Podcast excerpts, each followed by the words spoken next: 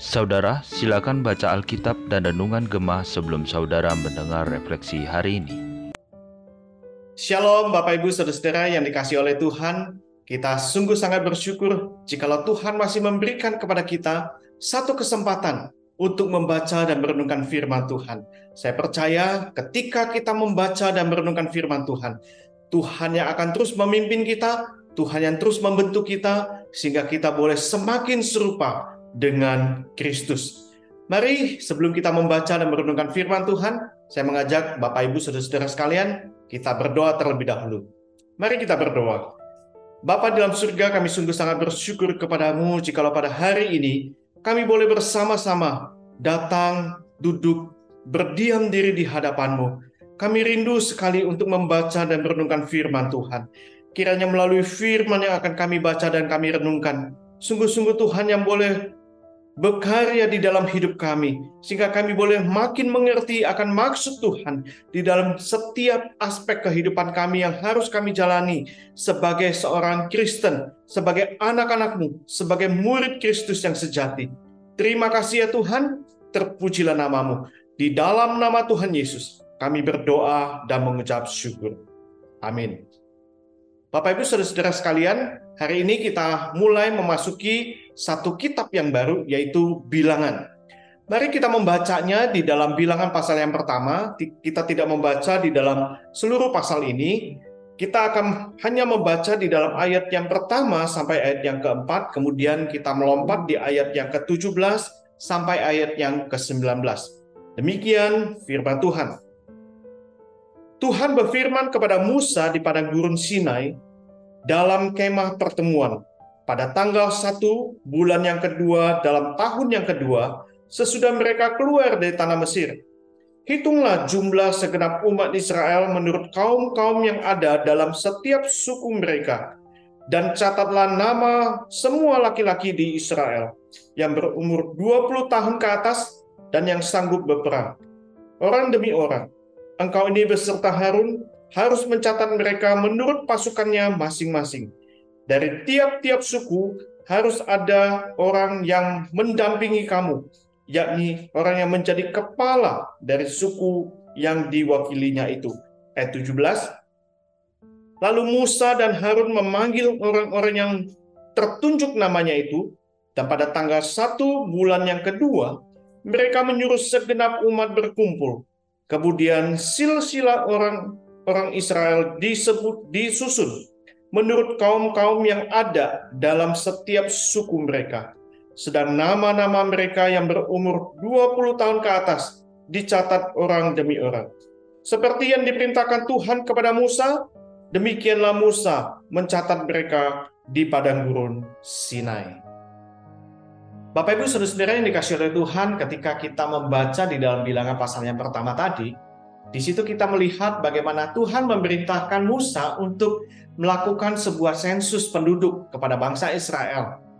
Tujuannya adalah untuk mengetahui berapa banyak orang Israel yang sanggup untuk berperang.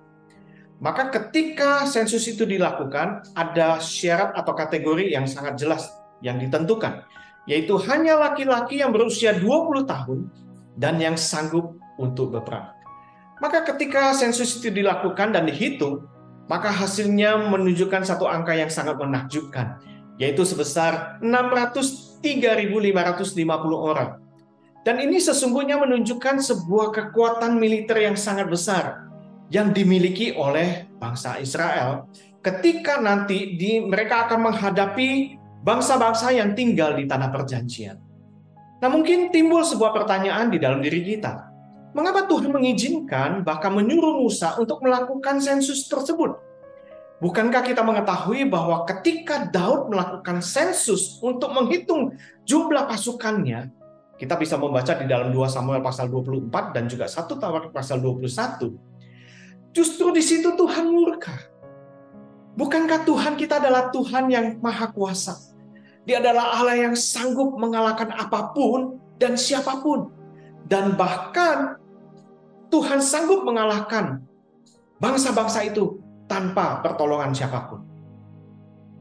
Bapak Ibu Saudara-saudara yang dikasih oleh Tuhan, Apakah dengan 600 3.550 orang bagi Tuhan menunjukkan tanda bahwa bangsa Israel ini sudah siap untuk berperang. Dan dengan dan dengan demikian bangsa Israel bisa mengandalkan kekuatan militernya saja? Tentu saja tidak. Hal ini mau mengajarkan kepada bangsa Israel supaya ketika mereka memiliki jumlah tentara yang begitu besar dan siap untuk berperang, maka di situlah mereka belajar untuk mengenal realitas dan pribadi Allah dan mereka selalu mengandalkan Tuhan, bukan dengan kekuatan militer yang besar. Oleh sebab itu, mereka jangan melupakan untuk meminta pertolongan Tuhan. Bapak Ibu Saudara-saudara yang dikasih oleh Tuhan, kita juga bisa melihat perumpamaan Tuhan Yesus di dalam Lukas pasal yang ke-14. Di situ dikatakan bahwa orang manakah ketika mau mendirikan menara, dia tidak duduk dahulu untuk menghitung anggarannya, biayanya. Atau di sana dikatakan, raja manakah kalau mau pergi berperang melawan raja lain, dia tidak duduk dahulu, kemudian dia mempertimbangkan, lalu dia mulai menghitung apakah dengan 10.000 orang dia sanggup untuk menghadapi lawan yang mendatang yang menghadapi dia dengan tentara sejumlah 20.000 orang. Saudara-saudara yang dikasih oleh Tuhan, Tuhan kita adalah Tuhan yang pasti sanggup untuk memenuhi segala keperluan yang kita butuhkan untuk menyelesaikan berbagai macam hal yang kita gumulkan. Tuhan juga adalah Tuhan yang sanggup untuk mendatangkan sebuah kemenangan bagi kita. Bahkan tanpa pasukan yang besar, pasukan yang besar. Sebab Tuhan kita adalah Allah di atas segala Allah. Dia adalah Tuhan di atas segala Tuhan. Akan tetapi, apakah ketika kita bergumul, kita sedang menghadapi berbagai macam pergumulan hidup, apakah kita selalu mengandalkan Tuhan? Tuhan sanggup untuk melakukan intervensi di dalam hidup kita. Tuhan sanggup untuk menyatakan kebesarannya dan kemuliaannya, dan bahkan melakukan mujizat di dalam hidup kita. Supaya justru di sinilah kita belajar untuk mengandalkan Tuhan, supaya kita tidak terbuai. Kita tidak menjadi orang yang lemah secara kerohanian. Dan biarlah ketika berdasarkan dua ilustrasi yang ada di dalam Injil Lukas tadi, di situ kita boleh belajar bahwa Tuhan mau supaya kita selalu mengandalkan Tuhan, memahami akan realitas pribadi Allah kita yang maha besar, yang maha dahsyat itu. Sehingga di situlah kita selalu belajar untuk mempersiapkan diri kita belajar untuk merendahkan diri kita, belajar untuk selalu mengandalkan Tuhan kita, sehingga melalui kejadian peristiwa di dalam hidup kita, maka di situlah kita pun juga boleh melihat ketika bangsa Israel menerima sepuluh tulah itu, maka di situlah mereka selalu melihat kebaikan Tuhan. Ada pemeliharaan Tuhan, tiang awan dan tiang api yang terus selalu menyertai bangsa Israel. Oleh sebab itu, Bapak Ibu Saudara-saudara yang dikasih oleh Tuhan, bangsa Israel yang memiliki pasukan yang begitu besar itu, 603.550 orang itu, apakah ketika kita juga mempunyai kekuatan, kehebatan, kita selalu mengandalkan diri kita? Ataukah sebaliknya, dengan kekuatan, kehebatan, kepintaran yang kita miliki. Justru di situ kita selalu belajar untuk merendahkan diri kita, mengandalkan akan Tuhan, sehingga ketika kita menghadapi sebuah realitas hidup itu, kita tidak didinamobokan. Kita tidak menjadi lemah secara kerohanian, melainkan justru hidup kita adalah hidup yang selalu mengandalkan Tuhan, mengandalkan Tuhan, dan mengandalkan Tuhan. Kiranya firman Tuhan pada hari ini boleh memberikan kekuatan kepada kita, boleh mengingatkan kita, supaya kita boleh selalu bersandar penuh hanya kepada Kristus Tuhan kita. Amin. Mari kita berdoa. Bapa di dalam surga kami sungguh sangat bersyukur kepadamu jikalau pada hari ini kami boleh bersama-sama merenungkan satu bagian firman Tuhan yang mengajarkan kami dan mengingatkan kami Seringkali ya Tuhan ketika kami merasa hebat, ketika kami memiliki segala sesuatu, kami lupa untuk mengandalkan Tuhan.